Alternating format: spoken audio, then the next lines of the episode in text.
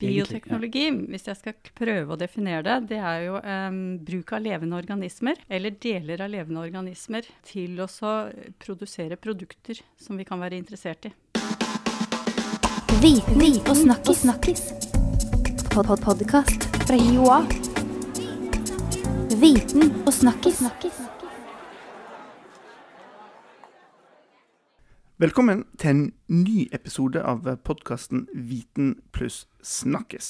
I forrige episode så snakka vi om auto-recognition, altså det er en teknologi, og hvordan den skal hjelpe oss i framtiden. Og i dag skal vi bli bedre kjent med en helt annen teknologi. Stig, ja. hvilken teknologi skal vi bli kjent med i dag? Bioteknologi. Ja, det er spennende. Veldig spennende. Kan du noe som helst om bioteknologi?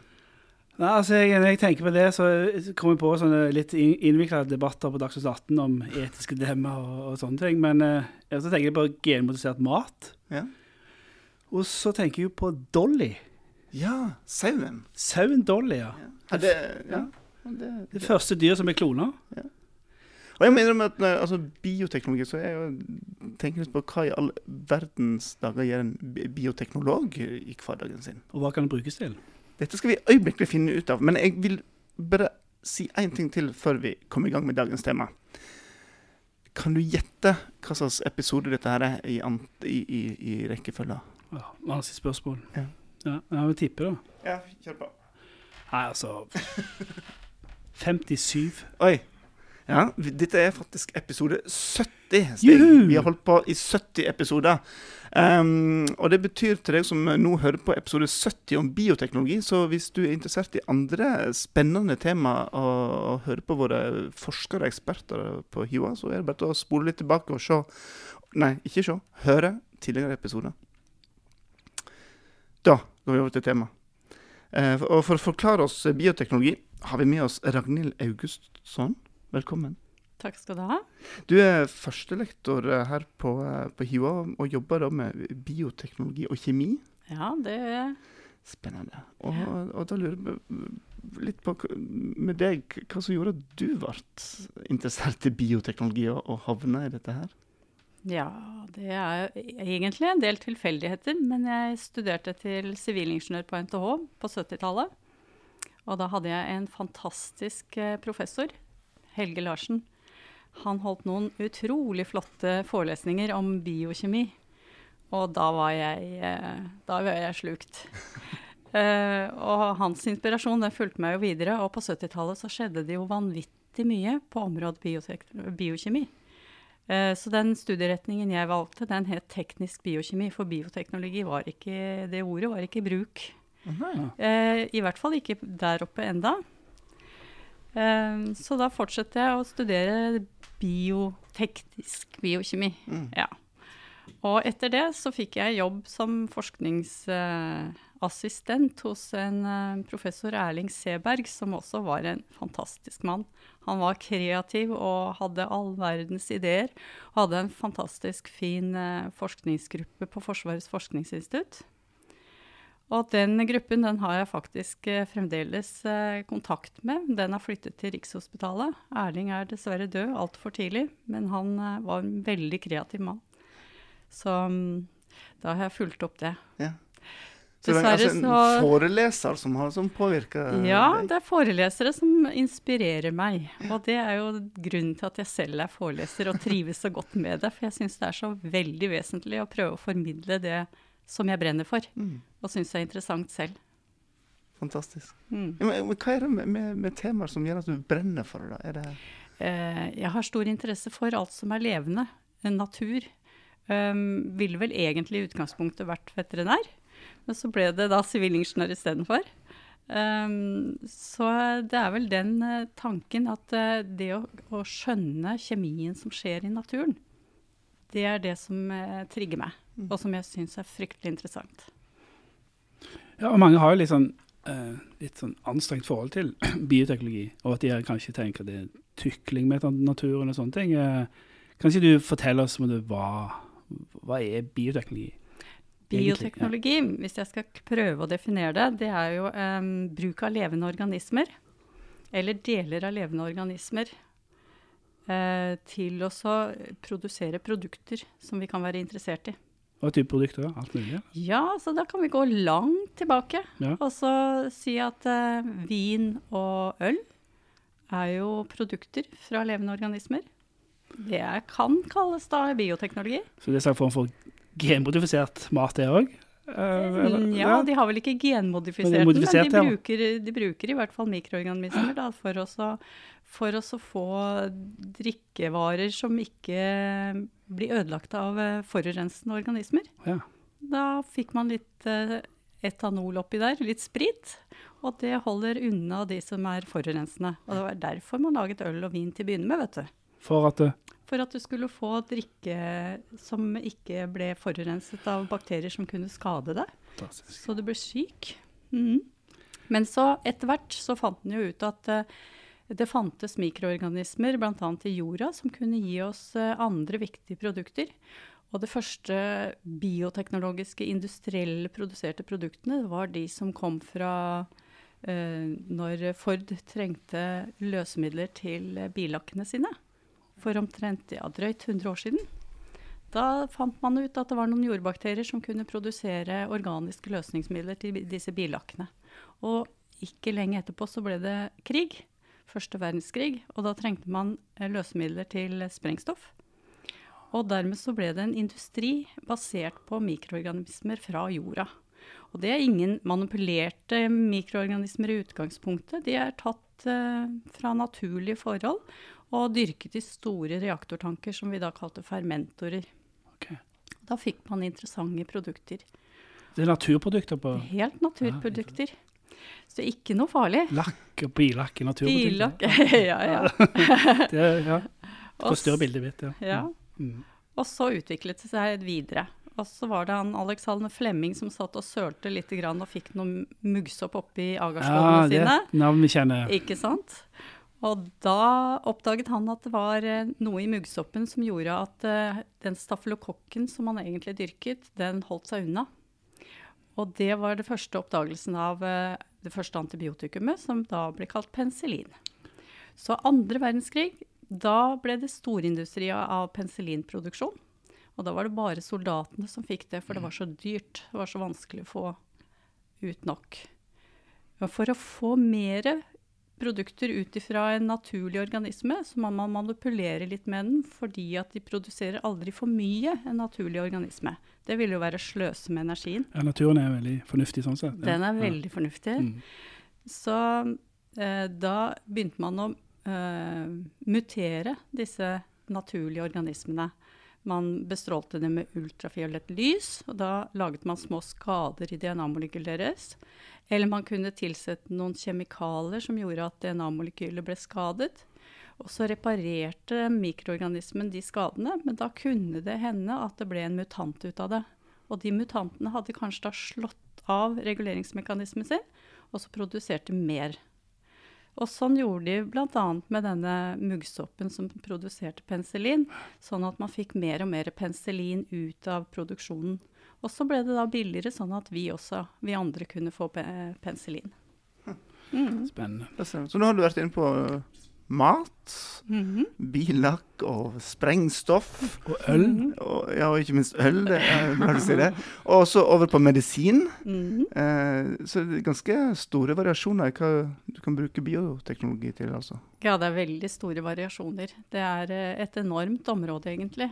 Du bruker jo mm, mye av bioteknologi innen næringsmiddelkjemien, f.eks. Eh, til å fermentere produkter for at de skal holde seg lengre. Du kan ikke lage en spekepølse uten å tilsette mikroorganismer, for da får du ikke den smaken og konsistensen på spekepølsa di som du vil. Du kan ikke lage ost uten å tilsette en startkultur av mikroorganismer, sånn at den omsetter de næringsstoffene som fins i melken og de produktene du putter i osten, slik at du får den osten du ønsker, med smak og konsistens og utseende. Eh, samme med melkeproduktene. Yoghurt f.eks. har alltid et par forskjellige typer mikroorganismer oppi seg for å få den smaken og surhetsgraden som skal til der. Så næringsmiddelindustrien er stor på bioteknologi. Mm. Så når du er utdanna bioteknologer, så, Mm. så eh, ser du at de forsvinner til alle mulige næringer, men da kanskje mest til til eh, matindustrien? Nei, egentlig ikke. Det er veldig mange som forsvinner helt andre steder også. Til forskning som går på medisinske områder, f.eks. For i forbindelse med kreftforskning. Det å, å undersøke Den første jobben jeg hadde, var å undersøke og isolere enzymer fra bakterier som hadde med reparasjon av DNA-molekyler å gjøre. Og den forskningen er jo fortsatt. Og man bruker da de samme teknikkene, eller utviklet teknikker, som da kan isolere samme type enzymer da, fra mennesker og høyerestående organismer for å se hvordan vi reparerer DNA-molekylene våre. Så det er mange av våre studenter som går videre innen de områdene også. Også rettsmedisinske analyser. Oi. Farskapsanalyser. okay. Så her er det mange, mange, Mange områder. områder. I tillegg så er det også mikroorganismer brukt i rensing. Rensing av avløpsvann og rensing av jord som er forurenset av Ja. industrikjemikalier eller oljesøl. Så her er det mange muligheter. Og kloning. Og kloning. Hva, hvordan, i, hvordan henger dette sammen? Fra måte ølbrygging til kloning. Altså det er et eh, langt det, en, det går en linje, men eh, det er jo ganske langt for de to tingene. Ja, du vet på Da jeg begynte å studere på 70-tallet, så skjedde det veldig mye på området rundt eh, genteknologi. Ja. Det å vite hva genene var, og vite hvordan man kunne faktisk eh, ta ut gen, isolere gen og, og klippe i gen Mm. med enzymer. Og, og flytte gen fra en organisme til en annen. Så fra 70-tallet og utover så ble det utviklet eh, mange teknikker som gikk på det. Og da kunne man plutselig begynne å manipulere med det å, å lage en organisme som var identisk med en annen organisme. Og det er jo det som er kloning. Mm. Og når jeg lager en identisk organisme fra en bakterie, så er jo ikke det spesielt farlig. Nei, Jeg kan putte et gen inn ja. i en bakterie, og så kan jeg få den bakterien til å formere seg. Og da får den jo helt identiske. Og da har jeg klonet den. Mm. Så det er jo ikke så farlig. Nei, det høres greit ut. da. Pol Ja. Dolly var jo litt annerledes. Ja. Da tok man eh, celler fra Dolly, som var en levende voksen sau, og så fikk man da laget nye barn fra den sauen.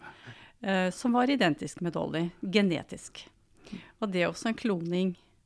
Eh, det er jo ikke noe man gjør mye av. Nei. Man, har, man tenker veldig lite på å klone mennesker, f.eks., Mm, mm. som høres veldig etisk problematisk ut. Ja, det skjønner jeg. Ja. Ikke blitt industri ennå, men, eh, Mhm. men hvorfor kloner man den serien i utgangspunktet? Var det for å lære mer, eller var det for Det var for å lære teknikkene. ja. Og så kan man jo tenke seg at uh, hvis du f.eks. får en veldig eh, La oss si en veldig fin gris, da, som har veldig mange gode egenskaper, gir oss en ribbe med Mm. fett som ikke er så skadelig for oss og sånt nå, så kan det jo tenkes at det er interessant da å klone den for å få identiske griser i landbruket eh, på sikt. Fordi at da kan man være sikker at, eh, at de gode egenskapene der blir eh, videreført. Mm. Vil, vil det bli aktuelt, tror du? Eller eh, Det kan man kanskje på Ja. sikt se. Men eh, det er eh, veldig mange som passer på forskningen som drives. Så jeg er ganske sikker på at dette her eh, gjøres relativt eh, sikkert og kontrollerbart. I hvert fall i våre land. våre trakter? Ja, mm. Hva med sånn genmodifisert mat? og GMO det har jo vært mye strid om. ja GMO. Vi i Norge er veldig restriktive på Ja. det. Vi vil ikke ha noe GMO-mat i det hele tatt. Eh, jeg er nok litt mer sånn åpen for det, for Mm. jeg ser ikke noe stort problem hvis du tar et gen som egentlig er naturlig for en plante, og med de teknikkene vi har, flytter den inn i en ny plante. Eh, så er det jo ikke noe Altså, vi blir jo ikke smittet av noe, eller at det er ikke noe farlig for oss å spise gen. Vi bryter ned genene i magesekken og fordøyelsessystemet vårt, så vi får ikke i oss noe farlig selv om vi spiser genmodifisert eh, mat. Men det som er problemet, er hvis du setter ut en plante ute i naturen som har gen som kanskje eh, gjør at den er motstandsdyktig mot eh, sprøytemidler, så du kan sprøyte åkeren mye, så er man redd for at eh, de genene skal spre seg til ugress. Ja. Og da har du et problem. Mm. For da vil du få ugress som også er resistent mot sprøytemidler, og så må du sprøyte enda mer. Forstyrrer med det et eller annet Da- i naturen. ikke sant? Ja. Men klarer man å holde de genmodifiserte organismene i et lukket system, så er ikke genmodifiserte organismer noe farligere enn vanlige organismer som er dyrket opp med vanlig krysning, sånn vanlig avl. For oss som står liksom utafor eh, eh, bioteknologi, så kan vi få inntrykk av at utviklingen her går veldig fort. Ja. Eh, stemmer det? Det skjer veldig mye. Og det er veldig mange forskningsgrupper som holder på på hver sine områder. Og det er mange teknikker som utvikles til stadighet. Og det gjør jo meg som foreleser eh, veldig inspirert. Fordi jeg må hele tiden prøve å henge med og se hva har skjedd nå. Og hvor er det det er nye teknikker, og hvordan kan jeg formidle dette videre. Men da er jeg så heldig at jeg har eh, god kontakt med forskningsmiljøene. Så studentene våre får bachelorprosjekter eh, ute i forskningsmiljøene. Og da får jeg jo med meg hvilke teknikker de drar med seg og forsøker ut på disse forskningsinstitusjonene. Og så blir det pensum neste år. Ja. ja det bra. Så det går såpass fort ja, neste Ja. år. Mm. Og, men hva, hva tenker du om, om framtida her? Altså, denne, kommer denne her farten på utviklingen til å bare fortsette? Og kommer vi til å om noen år se muligheter som vi aldri ante vi kunne gjøre? Ja, jeg, jeg håper jo egentlig det. For nå når eh, oljeproduksjon og oljen går nedover, så må vi jo ha noe annet å holde på med. Og eh, jeg ser vel for meg at vi kan bruke bioteknologi innen eh, energiproduksjon. Okay. Ja, F.eks. så har man gjort forsøk med alger, som kan da bruke sollys eh, og fiksere CO2. Altså både bruke sollys og fjerne CO2. Og så produsere da eh, næringsrike forbindelser som kan utnyttes til energi. Eh, Både som mat, men også som, eh, som brensel på sikt. da. Eller rene energiformer. Og så kan man tenke seg at man får utviklet mikroorganismer som er flinkere og raskere til å degradere cellulose og lignin og lignende stoffer fra avfall fra treindustrien. Eller fra jordbruket, denne halmen som blir igjen når du har tatt uh, og fjernet korn og sånt nå. Så vi kan få utviklet um, bioetanol og biodiesel på en, eh, en bedre måte enn å bruke maisåkeren og, og um, rapsåkeren til det. Bru- Brukes det i dag òg, eller er det sånn på Det er. Ja. det er en del i bruk, men det er en ganske tung prosess. Så det å da prøve å manipulere med gen og sånt nå, for å få mikroorganismer til å bli mer effektive, eller til å isolere enzymer fra dem, katalysatorer fra dem, sånn at prosessen går raskere, det kan jeg nok tenke meg at man, eh, man bruker tid på å utvikle etter hvert. Det krever mer forskning. og man krever, det, altså, er det sånn at det, du, du nevnte jo at det skjedde mye under de første verdenskrig og andre verdenskrig. Mm. Da satser man veldig mye på det. Så Mhm. det er sånn typisk kriser som ofte utløser Ja. voldsom forskningsinnsats. Ja. Og klimakrisen kan jo være et type eksempel på det. Mm. Jeg er helt enig. Ja. Eh, I tillegg så har det jo kommet en ny metode som heter CRISPR-Cas9-metoden. Som gjør at eh, man på en eh, raskere og mer effektiv måte kan gå inn i organismer og, og klippe bort genområder som er skade, skadesyke. Og så kan man ved hjelp av organismens egne reparasjonsmekanismer, da er vi tilbake Mm, til mm. igjen. ja, igjen, ja. Eh, fikse den skaden, sånn at det blir et eh, korrekt gen. Som da fører til at eh, personen kanskje ikke er syk, eller at grisen eller kua får egenskaper som gjør at den blir bedre til å produsere mat for oss, eller at planten ute på åkeren har en egenskap som gjør den mer tilpasset det nye klimaet. Ja, ja. Så her har vi mange muligheter. Det er teknikker da, som utvikles som er eh, mye mer nøyaktige enn det de har vært tidligere.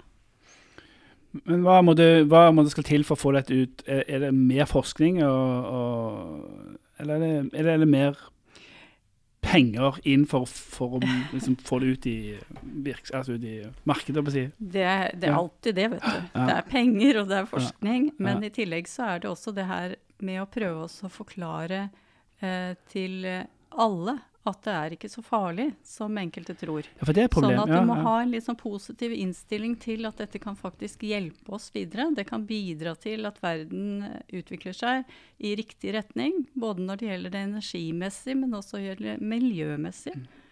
Ja, det vi- er veldig må viktig. Ja. Vi må spille på lag med mikroorganismene, for de har jo levd her mye lenger enn oss. ja. Og de er mye Det var et veldig fint budskap. Ja. Jeg tenker at det, det, Bioteknologi sliter litt med omdømmet etter, det. etter Dolly og etter måte, Ja, ja. GMO-striden og sånne ting. Så, Det høres minst- veldig farlig Ja. ut. Det er ikke det, altså. Men eh, du foreleser jo i dette temaet her, og, og i, i disse dager nå så er det mange som uh, vurderer hva de skal bli når de blir store. Mm. Uh, videregående elever skal snart levere en søknad til samordna opptak. Og hva slags type studenter er du på jakt etter? Hvem, hvem, hvem egner seg til å være, jobbe med bioteknologi? Ja, først og fremst må du jo være interessert i realfag da, Mm. og teknologi. Um, og natur. Ja. Og levende organismer og mennesker.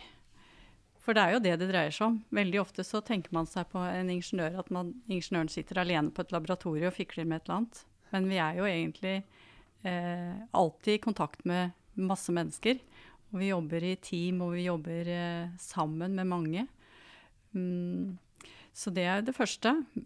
I tillegg så må de jo synes at dette området er interessant, og ser potensialet. Og jeg tror, helt fra jeg tok dette studiet, så har det jo sagt at bioteknologi blir det store nye. Den nye oljen. Den nye oljen. Nå har vi kanskje sjansen.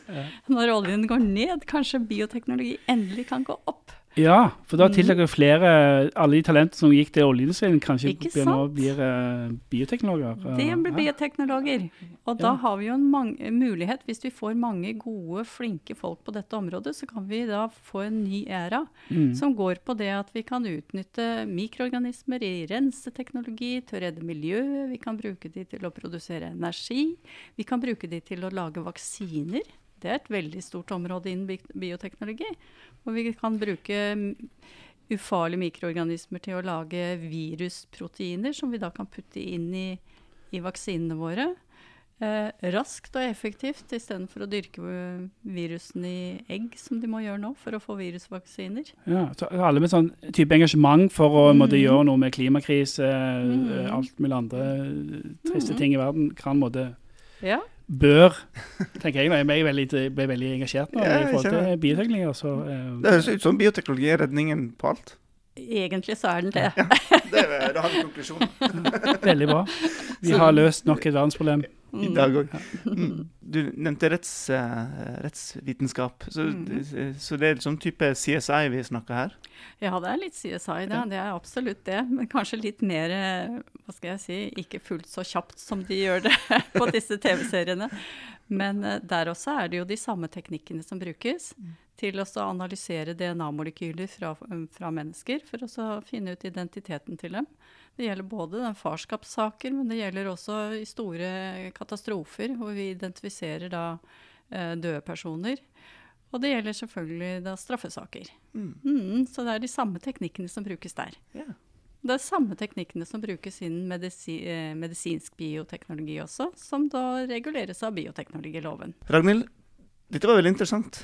Eh, Jeg vet ikke om du merker det, men både Stig og jeg ble litt sånn eh, engasjert der. For det var mye nytt. Og vi er ikke teknologer. Iallfall ikke meg. Nei, på ingen måte. Så, eh, så tusen takk for at du ville komme. Det er bare hyggelig. Jeg snakker gjerne bioteknologi. Ja, det, det, Nå vet vi det, så du skal ikke se vekk fra at eh, du blir invitert på nytt.